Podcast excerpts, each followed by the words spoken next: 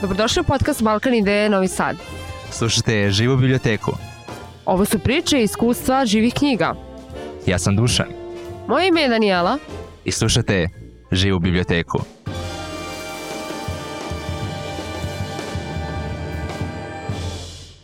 E, Dobar dan, dobrodošli na još jedan podcast Balkan Ideje Novi Sad.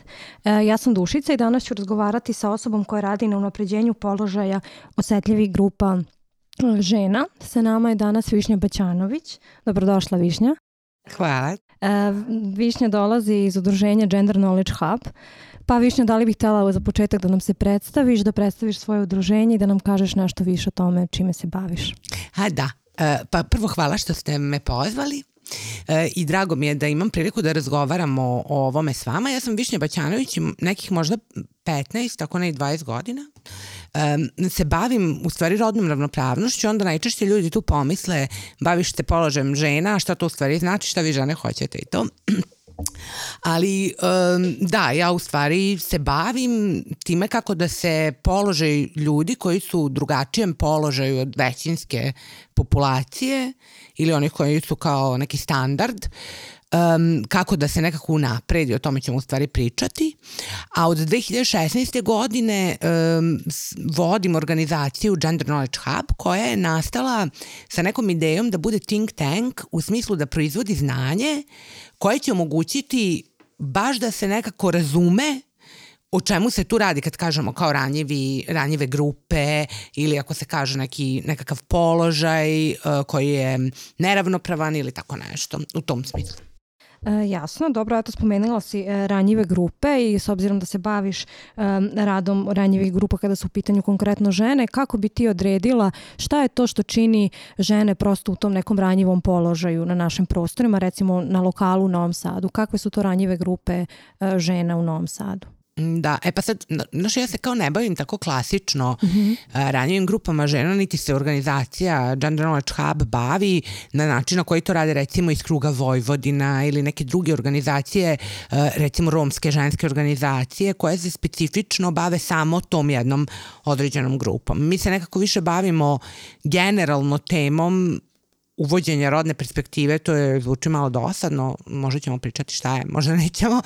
Ovaj, u svakom slučaju, uh, ranjive grupe su one koje, mi kao pričamo o rodnoj ravnopravnosti i o položaju žena, i onda meni neko kaže, evo šta tebi fali ili neka žena, na primjer, koja je zaposlena, ima platu 100.000 dinara, kaže, evo ja, na primjer, nisam uopšte diskriminisana, šta meni fali? Nikad nisam imala nikakvih problema. A ona se, na primjer, rodila u Novom Sadu, u relativno dobrostojećoj porodici, završila medicinski fakultet, bez nekih većih problema i tako. Tako da ona na svojoj koži nije osetila u stvari diskriminaciju. Jer diskriminacija se naravno može desiti svakom i i ona je verovatno ta žena, sad hipotetička koju sam izmislila, nekad bila žrtva diskriminacije, ali u principu ovo su grupe koje su vrlo često izložene diskriminaciji. Pa, na primer, e, baš smo radili jedno istraživanje nedavno o zapošljavanju i onda imaš da žene mlade ne mogu ili se jako teško zapošljavaju. A da se romkinje, pa na primer radi sa završenim fakultetom, radi u pekari ili radi u butiku, ne radi u skladu sa onim što je završio i što hoće da radi. A romkinja ne može da radi ni u pekari ni u butiku zato što je crna, tako je kažu. Znači, to je diskriminisana grupa zbog nečega, pa onda još dodatno diskriminisana ili žena s invaliditetom ili mm, samohrane majke i tako. E, Pa eto, spomenula si tu viš, višestruku, ovaj, višestruko osetljive e, grupe žena. Jel možeš da nam donekle objasni šta znači to biti višestruko, višestruko diskriminisan i kako e, više identiteta može da utiče na, na diskriminaciju jedne osobe i na njen položaj? Da, to s identitetima je jako zanimljivo. Nedavno mi je jedna drugarica baš rekla, znaš šta, ja sam odlučila da ću od sada pa nadalje se bavim samo identitetima. To je jako zanimljiva tema. Ja tako razmišljam kao, ok, dobro. Međutim, kad malo bolje razmisliš, um, baš je interesantno kako ti samog sebe doživljaš, kako te drugi vide, ta slojevitost identiteta i svega drugog. Ovde uh, je u stvari to neko kolektivno svojstvo, ono što je uzrok diskriminacije, pa tako i višestruke diskriminacije. Ali kad se kaže osetljive grupe, to mislim da je isto važno pomenemo, ili ranjive grupe, to nisu nužno one koje su diskriminisane, nego mogu da budu i one koje su u većem riziku od nečega, pa na primjer od diskriminacije, od nezaposlenosti, od siromaštva, od socijalne isključenosti, koje u stvari stvari tome doprinose. Tako da uh, i to se zna zato što bez obzira što se mi bavimo na primjer društvenim naukama i društvenim procesima, to i tekako ima svoju egzaktnost, da se ne vraćam sad ovaj, na epistemologiju, ali u stvari uh, dakle dokazano je da različita socioekonomska svojstva, karakteristike grupe kojoj pripadaš utiču na tvoje mogućnosti. Onda ima ona čuvena vežba koja se na trenizima i radionicama radi korak napred, koja je, ovaj, kao zove se po onoj seriji, jel? koja je bila popularna pre 150 godina, vi se toga sigurno ne sjećate. Sve u svemu, da, uh, I onda je to kao, ako ti se ovo desilo u životu, pomeri se, ali dobiješ razne identitete. I onda se dešava ljudima da, na primer, budu um, gej muškarac u Bačkoj palanci i on se u 30 posto situacija ne pomeri, zato što ga taj njegov identitet drži u nepovoljnijem položaju. Da, Tako jasno, nešto. da. Da, jasno je da više struki, to jest različiti identiteti koje posjedujemo mogu na različitim nivou da utiču na naš položaj i da prosto stavljaju jel, neke barijere u, u društvu i u našem položaju. Sada što se tiče konkretno Novog Sada i tog nekog iskustva, pa što eto spomenula si već da se radi na istraživanju, to jest da tvoja organizacija radi na istraživanju uvođenje rodne perspektive, šta su ti neki rezultati, šta može konkretno da se uradi, po, da se uradi po pitanju uh, ovaj, unapređenja položaja tih osetljivih grupa? E da, a to je baš dobro pitanje zato što um, kao mi svi pričamo o osetljive grupe, ranjive grupe, sad smo počeli da prepoznajemo, to da nismo svi isti, jer to isto ono zamka sa ljudskim pravima, kad pričaš o ljudskim pravima, onda kao svi ljudi su jednaki, a čitava fora je baš u tome da su svi ljudi različiti i da je svakom potrebno nešto drugo da bi mogao da izvuče maksimum iz sebe i maksimalni kvalitet života da ima za sebe.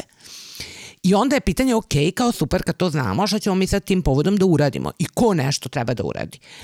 E, prosto ideja je da država ili um, lokalna samuprava ili organi javnih vlasti ne dozvole da bilo ko bude diskriminisan s jedne strane, a s druge strane i da rade na otklanjanju posledica diskriminacije, zato što i to spada u borbu protiv diskriminacije na koji se recimo država obavezala potpisivanje međunarodnih ugovora raznih, što su sve baš ozbiljne stvari, nije to kao nešto, neko tamo nešto malo priča o ljudskim pravima, nego su ozbiljni međunarodni dokumenti kao što je između ostalog konvencija, odnosno univerzalna deklaracija.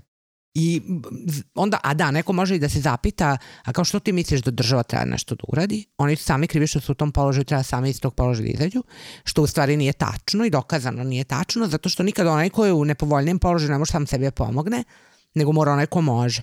I zato je važno kakve se politike kreiraju, šta se radi, šta se da. podržava? To je bilo moje sledeće pitanje. Da li, da li mi smatraš da postoji mogućnost za sve to što se radi istraživanjima da se zapravo utiče na neke dozvole, to jest na neke promene e, u, u, ovaj, u politikama javnim i da li, da li imaš primer neke kada je to uspelo na osnovu ne samo tvoje neke lične aktivnosti, nego i generalno, da li postoje primjeri kada se zapravo dovelo se do neke promene e, značajne za osetljive grupe žena?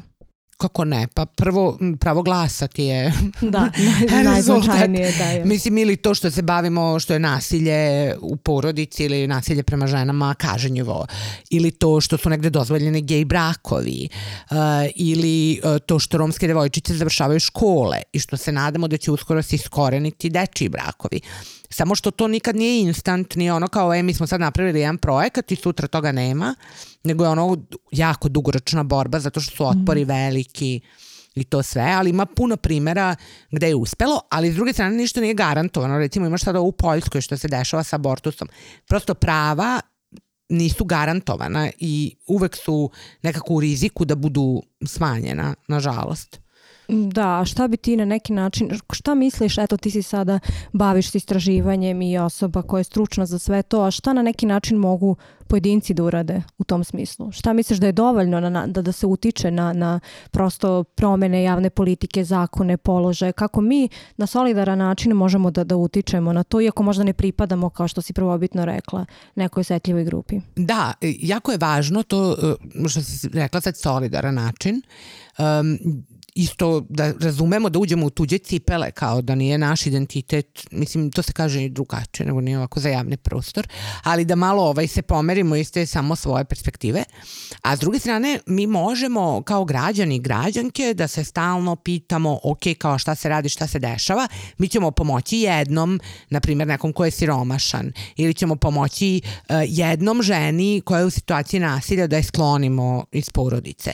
Ali ono što mi moramo da tražimo kao odgovorni građani i građanke je u stvari e, sistemsko rešenje koje će svaku sledeću ženu koja se nađe u toj situaciji da joj to omogućiti. Um, ili recimo ženama sa invaliditetom kao sloboda kretanja postoji. Sada pitamo, na primjer, moju drugaricu Milesu kako ti sa slobodom kretanja stojiš. Ona kaže ja ne mogu nigde da se popnem, ne mogu nigde da se, ona ne može, kad padne sneg ona ne može da se kreće -hmm. na primjer. Jasno. Da, jasno je da, da ta neka sistemska rešenja potrebne su prosto organizovani načini i pri, pristupanje mm. č, čitavoj situaciji i, i problemu. Ovaj, e sada ono što smo spomenjali, što smo malo prerazgovarali o tome što je možda neki dosadan deo priče, mm -hmm. jeste rodno odgovorno budžetiranje, pa možemo nekako da, da, da prosto razgovaramo o njemu na način da ga svi razumemo i šta znači, šta ono konkretno znači za osetljive e, grupe žene u Novom Sadu, pošto eto E, mi smo pokušavali da se bavimo ovaj, kao organizacije na sad jednom prethodnom treningu e, rodno odgovornim budžetiranjem i prosto praćenjem implementacije e, politike vezane za njega, ali nismo ga baš dobro razumeli, pa eto značilo bi nama, a i verovatno drugima da prosto da, da razumemo šta znači taj termin i šta on znači za osetljive grupe žena. Eto, da počnemo od Novog Sada prvo. Da, ovaj, a recimo ima sad, baš smo se nedavno time bavili u okviru jedne, dru, jednog drugog programa, na primjer omladinsko odgovorno budžetiranje, mm -hmm. E, gde je priča o tome da vidimo koliko u stvari vlada ili, na primjer, grad Novi Sad ili vlada Republike Srbije stvarno izdvaja novca za omladinske politike ili za sprovođenje akcionog plana za mlade ili za neke druge oblike podrške mladima ili kao ako ima neki program za zapošljavanje, koliko toga je namenjeno za zapošljavanje mladih. Koliko ti u stvari ulažeš kao država u ono što proklamuješ da ti je važno. Zato su budžeti važni, jer ti oni uvek govore šta je prioritet bio je ovaj super lik neki, ne znam jeste to ispratili, što je Brnabićki na tom dijalogu mladih sa premijerkom rekao kao vi toliko, mislim ne vi kao vi, nego država ulaže u, um, u premier ligu valjda prenos, a to je dovoljno da se sredi vodosnabdevanje u cijeloj Vojvodini, tako da je to par excellence pitanje budžeta, kao u šta mi u stvari ulažemo javne pare. I rodno odgovorno budžetiranje je isto to, mislim na istom tom tragu,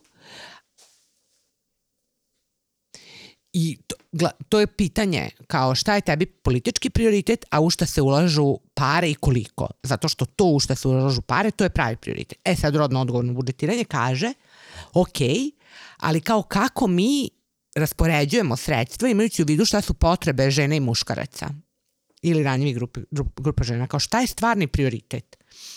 Jel nije isto, ako si ti žena koja imaš četvoro dece, šta tebi treba od usluga da ti finansira lokalna samuprava, tebi ono vrtić prioritet. Ili ti je prioritet dobar javni prevoz zato što ne voziš, primjera radi, a mnogo više žena ne vozi u odnosu na muškarce.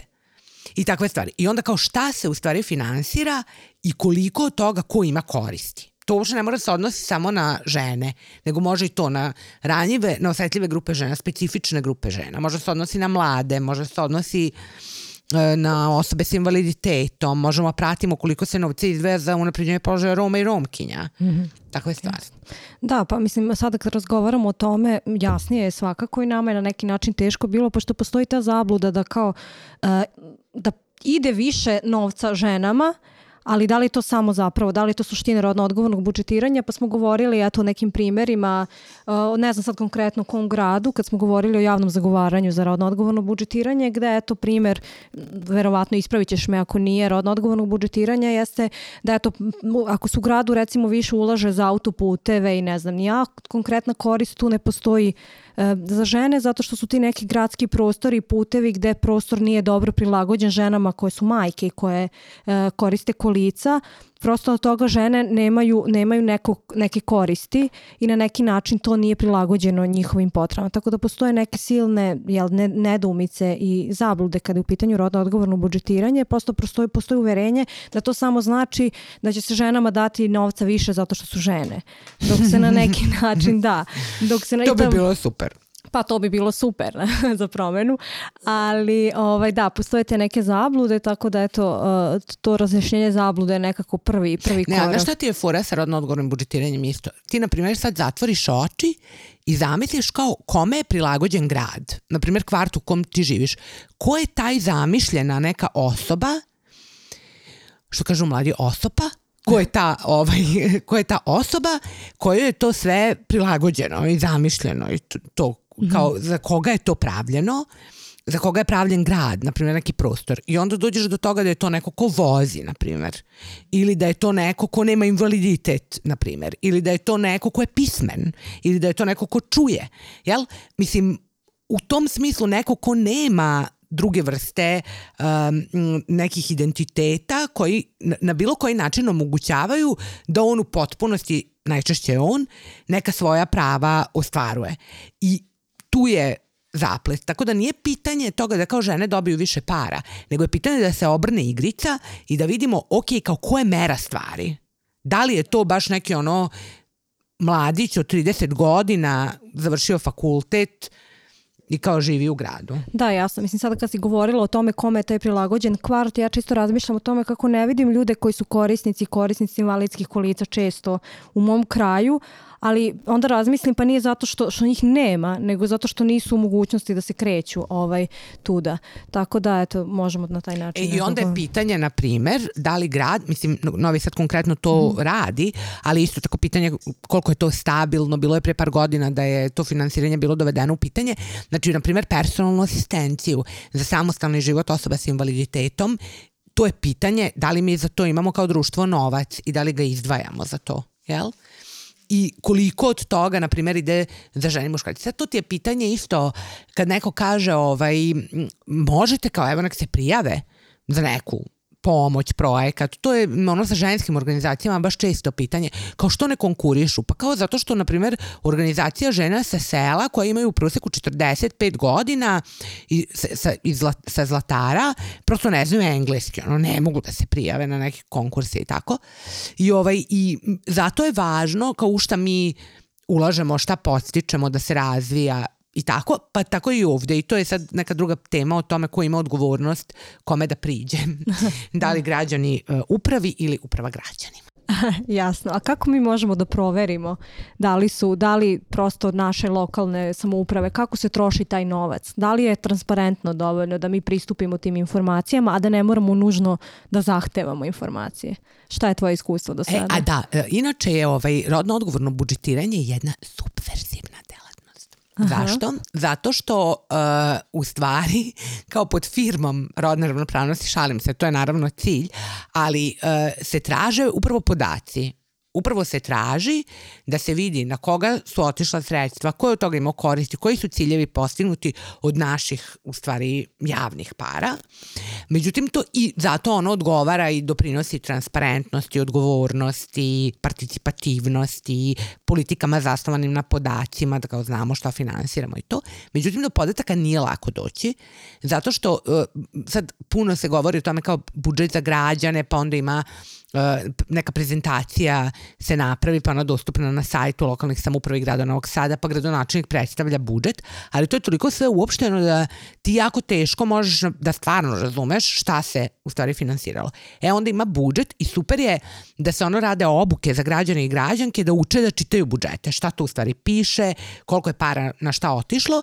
S druge strane izveštaj o izvršenju budžeta takođe nije lako dostupan. Znači moramo prosto te podatke da, da tražimo i tome služe između ostalog civilni sektor da vrši tu vrstu pritiska i da traži te podatke i onda da ih objavljaju i mediji koji su užasno važni u toj sferi.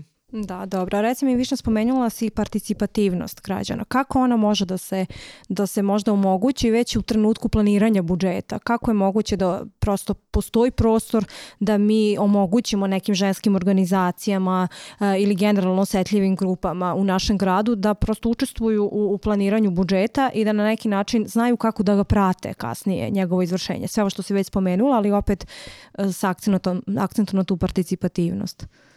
Pa mi smo u okviru jednog projekta koji sad imamo, to je Weber projekat koji nam podržava Centar za evropske politike u, u Srbiji.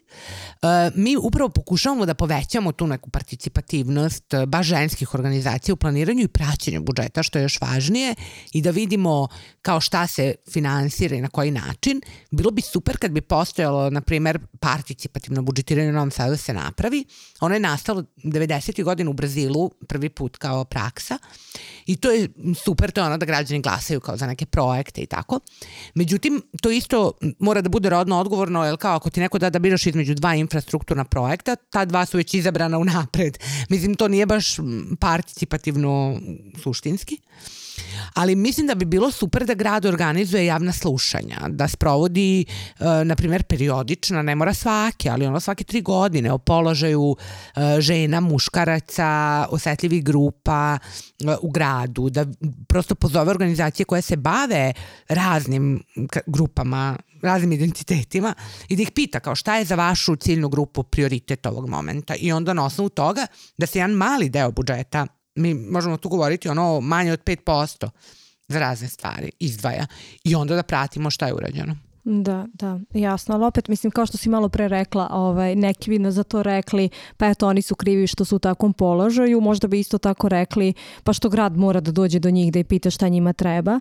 Ovaj, da li misliš da je to nekako izvodljivo. Kako da nateramo grad da ode do grupa i da ih pita, osetljivih grupa, šta vama treba i, ili treba mi da budemo nekad spone između svega toga, kako? Mislim. Pa to treba da budemo, to, mislim, to je civilni sektor, čini mi se, mm -hmm. i ko, koji treba da bude spona.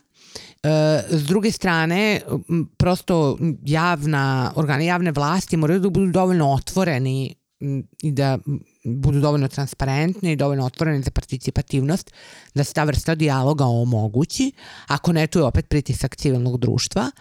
Um, I s druge strane se jačaju i kapaciteti da se osnažuju, to je u stvari ono kad se spominje ovaj, osnaživanje, to je da osnažuješ ljude, da nekako se informišu, da ih edukuješ o tome šta su njihova prava, šta su mogućnosti, šta mogu da koriste, i na taj način da se poveća nekako ta, to učešće.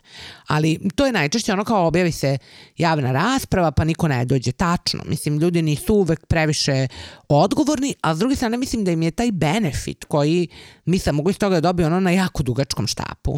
Mm -hmm. U tom smislu mi se čini da nije dovoljno jasno kao kakve veze sa to ima konkretno sa mnom, što samo znači da je to suviše uopšteno i nepovezano sa svakodnevnim životom. Da, mislim, verovatno nekim grupama osetljivim bi značila neka malo, da kažemo, brža, nedugoročnija rešenja na kojima se radi na taj način. E, a to je, šta bi ti, na primjer, volala da se finansira iz javnih para. Pa da, eto, mi smo ovaj, dosta razmišljali, razgovarali o tome i shvatili da postoji dosta nekih tabu tema kada su u pitanju generalno žene, reproduktivno zdravlje, rodna ravnopravnost, pa eto, neki naš budući plan skorašnji jeste da pokušamo javnim zagovaranjem da utičemo jel, na vlasti na lokalnom nivou da e, finansiraju higijenske pro, pro, proizvode u srednjim školama u Novom mm, Sadu. Fenomenalno. E, tako da to je nešto što ćemo pokušavati jel, da radimo mi u okviru Balkan Ideje Novi Sad. Bili smo i na nekoj nekom treningu pre tri dana bukvalno i vratili se puni entuzijazma, tako da se nadam da ćemo da ostati prima, pre, pre, pri tome i da ćemo naći neka sredstva, resurse e, kako to da sprovedemo. Sad postoji tu još brojnih nekih tabu tema koje se, koje se tiču žena, muškaraca i reproduktivnog zdravlja i ostalo, pa postoji možda još nešto više što tebi pada na pamet kada je u pitanju ova oblast. Pa ovaj, recimo, to u Rijeci im je sad uspeo taj projekat, ja mislim, tako da to možete ono neki kao vršnjačku razmenu da napravite, vidite šta se tamo dešava, ali je to baš e, pitanje i u okviru recimo Gender Budget Watchdog Network e, ima kolega iz Makedonije koji se bave tom temom kao PDV-a i uopšte poreza i toga da nisu besplatni higijenski proizvodi za menstruaciju zato što to nije kao stvari izbora. Ali to isto ti pokazuje u stvari u širem smislu tu neku diskriminaciju žena. Ne zato što one imaju menstruaciju, nego koliko je to tabuizirano u javnom prostoru. I to je stalno ta ona oštra podela kao na javno i privatno. To kao da te kad ideš um, da kupiš uloške u prodavnici, pitaju hoćete kesu kao ni slučajno da ne nosiš tako u ruci, zato što je kao to sve tabu. Čini mi se da se to malo sad razmrdava, ali opet se razmrdava gomilama što malih, što malo većih nekih aktivnosti, kao što će biti sad ova vaša, kojima se u stvari stalno to ponavlja i onda malo olabavi taj tabu. Da. Pa konkretno postala je sad nedavno inicijativa neformalne grupe koja je podržana od šta nam teško da se na Filozofskom fakultetu u Novom Sadu mhm. obezbede studentkinje, studentkinjama higijenski ulošci, pa na neki način verovatno ćemo pokušati da sad zatražimo saradnju od njih. Opet kažem, to je inicijativa, nije nešto što je uticaj mm -hmm. na, na javnu politiku i na prosto budžetiranje toga, konkretno u, u lokalnom budžetu. Tako da to na što bismo mi išli bi bila neka malo, malo veća jel, e, promena i nekako se nadamo da neće ostati samo na Novom Sadu, ali ali eto. Da, a ovaj... Novi Sad je inače jedan od redkih gradova koji finansira ovu HPV vakcinu za devojčice i to je stvarno onako kao možemo da budemo baš ponosne kao građanke Novog Sada na to. Um, ali s druge strane, znaš, možda ono neko da te pita, ok, kao pravite tu kampanju, zagovarate da se to finansira iz budžeta, kao na šta liče toaleti u školama i kao da li u to treba da se investira i onda tu ulaziš u te birokratske zaplete kao da, da, da, ali to je sa republičkog nivoa, sa lokalnog nivoa mi to ne... I tu opet dolazimo obrni okreni kao svi putevi vode u, budžet, ali i u ovom slučaju je to tako da ti vidiš kao odakle, sad da, da zamislimo da imamo neku graničnu količinu para, ok, kao da vidimo odakle se to može platiti. I zato je budžetiranje jako važno i za zagovaračke inicijative da ti dođeš sa već gotovim rešenjem. Kao je, vidiš, kao što je ovaj čovjek rekao, premijer liga, vodovod. Znači ti već znaš odakle bi to moglo ili kako bi moglo se isfinansira i barataš prosto tim informacijama. Da, mislim, to jeste, na s jedne strane zvuči zanimljivo i dobro, ali ponekad, eto, mi kad smo se našli u toj prilici da planiramo naše javno zagovaranje i proces, nismo, nismo baš mogli da razumemo šta i kako. Mi bismo bili u situaciji da tražimo neku promenu, ali konkretno kako je sprovesti, opet da li je to na nama ili na donosiocima odluka, mm -hmm. to je već malo, da kažem, komplikovanije pitanje kako izdvojiti sredstva, odakle i kako, tako da, mm -hmm. da mhm. slažem se sa tim da je taj primer, uh, primer jako dobar. Uh, E, dobro, što se tiče Novog Sada još, eto, respomenuli smo da, da je ta inicijativa, odnosno te besplatne HPV vakcine, da, da su mm. dobra stvar. Čini mi se da i Šabac takođe ima mm -hmm. uh, takođe tu opciju. Ovaj, je bi još nešto višnje dodala što se tiče budžetiranja? Pa da, nešto se tiče budžetiranja, nego generalno, kao znaš kad kažu, a kao vi ovaj, u Novom Sadu nema nikakvih problema. I stvarno, da. mislim u principu kvalitet života je okej. Okay. Međutim i dalje mi imamo pitanje žena koje žive same sa decom, koje su recimo u podstanarima. I dalje imamo pitanje beskućnika i beskućnica u Novom Sadu. I dalje imamo pitanje ljudi koji žive u romskim naseljima. I dalje imamo uh, pitanje osoba, dakle žene i muškaraca sa invaliditetom. I dalje imamo um, decu koja žive i rade na ulici. Znači imamo jako puno ljudi koji nisu prosto u, u ok položaju, nemaju zadovoljene sve potrebe i mi dalje mislim da možemo da se bavimo time, plus imamo, bez obzira na sve, onaj ogromnu količinu stereotipa predrasuda prema ženama, prema devojčicama i da se ulože neka sredstva, da se radi sa mladićima i devojkama u osnovnim školama, u višim razredima, u srednjim, to bi bila super investicija za budućnost. Da, to je zanimljivo sad što si spomenula da se radi i sa mladićima i sa devojkama. Dosta veliki broj programa je i dalje usmeren samo na devojčice. I što se tiče e, zaštite od nasilja e, prema ženama i ostalo, prosto se opet okreće ka, te strane, ka toj strani ko je ta osetljiva grupa, dok se na neki način u velikim slučajima ne okreće ka onima koji su na neki način akteri, jel, i mhm. takođe. I koji dalje imaju više moći, mogu to da menjaju. Da, da. Tako da, eto, mislim što se tiče programa, recimo, zanimljivo bi bilo kada se tiče jel, reproduktivnog zdravlja i generalno e, menstruacije, još uvijek je tabu tema govoriti i sa dečacima o tome i da neki način nastavlja se taj, da kažemo, jaz muško-žensko, mm. tabu tema menstruacije, e, uložaka i svega sa čime se, se devojčice susreću, što dalje takođe na neki način ostavlja prostora i za, ne znam, neki, da kažemo, su, ne sukob, ali neki Pa stalno je sukob. prostor između. To si super rekla, jeste stalno, i to počinje u vrtiću taj sukob, da neće se igraju devojčice sa dečacima i dečaci sa devojčicama i to je to ono ro- rodna segregacija, kao da vidiš da nema saradnje i onda kao od malih nogu te neko uči, mislim sistem te uči, da nema saradnje i kako onda neko očekuje da ljudi posle sarađuju u partnerstvu kao roditelji, na primjer, ako ih kao od malih nogu smo učeni da nema saradnje i zato je jako važno, meni je kao super da moj sin ima drugarice i da može nekako s njima normalno komunicira, baš da se razbije taj tabu o devojčicama, o ženama i tako. Mislim, Da, to je sve da. važno. Da, ono što si rekla, bukvalno postoji razlika u tome, mislim kako smo, kao da imamo u potpunosti različite uloge i mene generalno, mislim od uvek mi je to bilo pitanje sprečavanja učestvovanja žena zapravo u donošenju odluka i svemu i ne znam kako smo došli do te ideje, mislim znam da je ta ideja stara vekovima i vekovima da, da možemo da napredujemo ukoliko u potpunosti uključujemo polovinu svog stanovništva planete. Tako da eto, to je zanimljivo i na neki način ono što smo govorili o osetljivim grupama žena i e, sve što si prethodno spomenula, mislim da je bitno da se posmatraju u kontekstu ne samo omogućavanja njima da imaju jel, nešto što im je neophodno u životu jel, za egzistenciju na neki način, nego dozvoliti im prostor da učestvuju. Tako da ne bude da mi važno, stalno radimo nešto za njih, već da one budu u mogućnosti da ne, mogu to, da ne budu u toj ulozi žrtve, Bravo, tako je. već da, da rade nešto za sebi, da prosto budu uključene na taj na neki način. Jeste, zato što uključenost je jako važna se izađe iz tog pasivnog položaja i zato ima to, um, ja sam čula u kontekstu romske zajednice kao ništa o nama bez nas, ali u stvari to kao da moraju ljudi koji imaju taj identitet i to iskustvo da učestvuju u kreiranju rešenja. Neću ja, koja nisam nikad živela taj život i suočila se ni sa čim od toga, kao sada znam šta njima treba bolje od njih. Tako da to je tačno, ali ono što mi možemo je da podržimo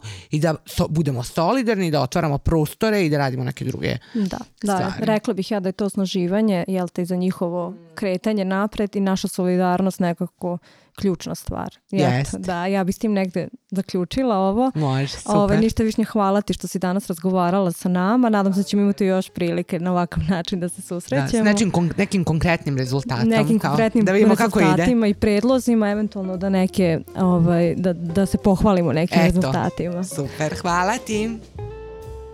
Ovo je bio podcast Balkan Ideje. Ja sam Dušan, a vi ste slušali Živu biblioteku. Sve podcast sa živim knjigama možete pratiti na platformi novisad.cityoflearning.eu. A sve aktivnosti Balkan Ideje možete ispratiti na Instagram stranici dot Balkan Ideja NS ili na Facebook stranici Balkan Ideja Novi Sad. Ja sam Danijela. Nadam se da ste uživali u još jednom podcastu Balkan Ideje.